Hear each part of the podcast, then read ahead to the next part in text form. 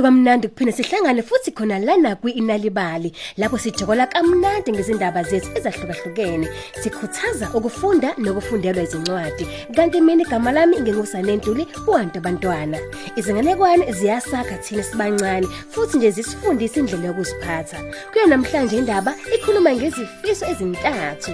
Siboleke nje indlebe unyise umsakazo wakho sizwe ukuthi isiphatheleni le ndaba. Nali ibali. Kwakukhona umama kanye nomkhwena wakhe ababehlala ngaseduzane komfula ihlimbithwa. Zonke izinsuku umama wayehamba yotheza izinkuni ehlathini. Kanti njalo mehamba umkhwena wakhe wayemnikeza ibhodlela lamanzi amfakele nokudla esikhwameni ukuze abe nakho phela ukuya ngasethunjini uma nje sezindlala. Ngolinye kusuku umama wayehlathini njengenjwayelo. Wakhetha isihlahla esikhulu mngani wami azosigawula. Sihle impela lesi sihlahla. Sikhulu kanti ngizothola futhi izinkuni eziningi kusona. Mngani wami, esandleni sakho phela kokukhona imbazo elokhu nje eyishiba shiba emoyeni elungisela phela ukuqala ugawula. Ha, esathi uyaqala nje ukusigawula, wezwe iphimbe lithize lalithi ke. Yima, yima. Hawu, ubani lo? Buka lapha phansi. Noma ngabe wenza ini, ngiyakucela ungasigawuli lesihlahla. Umama wathuka mngani wami wahlahla amehlo. Uma nje sebona ukuthi leli phimbo liqhamukapi, umlomo wavele woma, akangabe sazi ukuthi uzothini. Ngiyakuncenga, ngiyakucela ungasilimazi lesihlahla. Phansi esihlahleni eduze kwezimpande zesihlahla kukhona umuntu omncane umama angakaza ambone phambilini Nkosi yami, ingabe kubonani ngamehlami? Hawu, Ngiyakuncenga ungasilimazi lesihlahla. ayi kulungile ke. Ngizokwazi ukushoya. Ngiyabheka esinye isihlahla uma kubaleke ngaleyo ndlela kuwe. Ngiyabonga. Wenze into ezongijabulisa kakhulu. Unenhliziyo enhle. Ngenxa yalokho ngizokubusisa ngesifiso ezintathu. Noma ngabe yiziphi? Wakhuluma maqedi yanyamalala le ndoda encane. Umama yewakade ezotheza izinkuni wayibheka waze wakhathala engatholi ukuthi ingabe inyamalale ngakuphi le ndoda. Kodwa mngani wami ekhambeni kwesikhathi wayeka phela ukuthungatha waqonda ekhaya. Ukuhamba nje e- endleleni wayeloke ehamba enikini ikhanda ekhuluma yedwa yonke indlela le. Hayi, impela ikubone namhlanje. Ngiyoxoxela emagwabe bechobana. Indoda encane ingithembisa izifise ezintathu. Ihe, engabe izophumelela yini?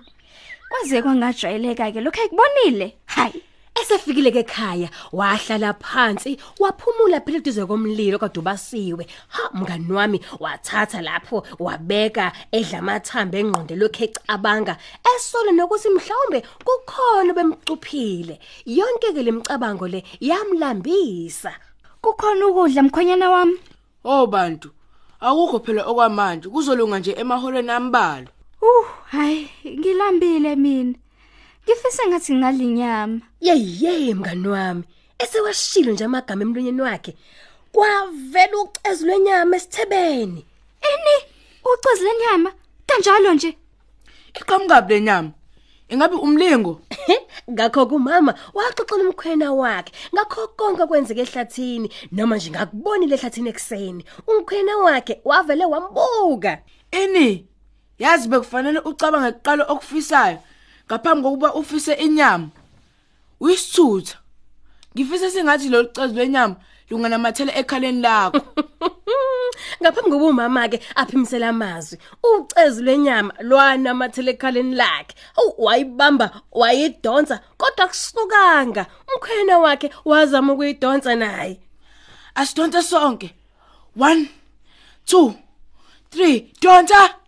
he bobabili bandla badonsisana kodwa yo yayinamathele ngempela ekhaleni nansi inyama Awu bandla, sizokwenza njani manje?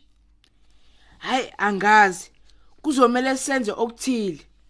Hmm umama wayazi ukuthi kumele enze okuthile ngokushayesha ngaphambi kokuba asho amanye amazwi futhi Ngifisa sengathi lenyama ingasuka ekhaleni lami Yo, emva komzuzwana inyama yaqhumela esithebeni nebala bahlala bobabili babukana. Ngeke manje kusaba khona izifiso zemali nezingobo zokugqoka noma nje indlu enkulu noma nje injabulo.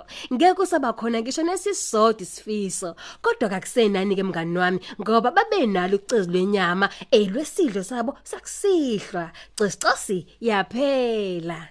Silibamba lana kuhlelo abantwana besilethulelwa iNalibali. Bantwana bahle, masikukhuthalela ukufunda ngaso sonke isikhathi. Sikhumbule ukuthi imfundo isona sikhali esingavula iminyango yekusasa lakho. Kanti ke ezinye izindaba ungangena nje kumakhala ekhukhwini wakho kwimobisite yethu ethi nalibali.mobi uzitholele mahala izindaba nezinganekwane ezimnandi. Kanti futhi ungazitholela ikhophi nalibali njalo ngolwesithathu ephepheni lakho eThe Times. Ni saleka. kahle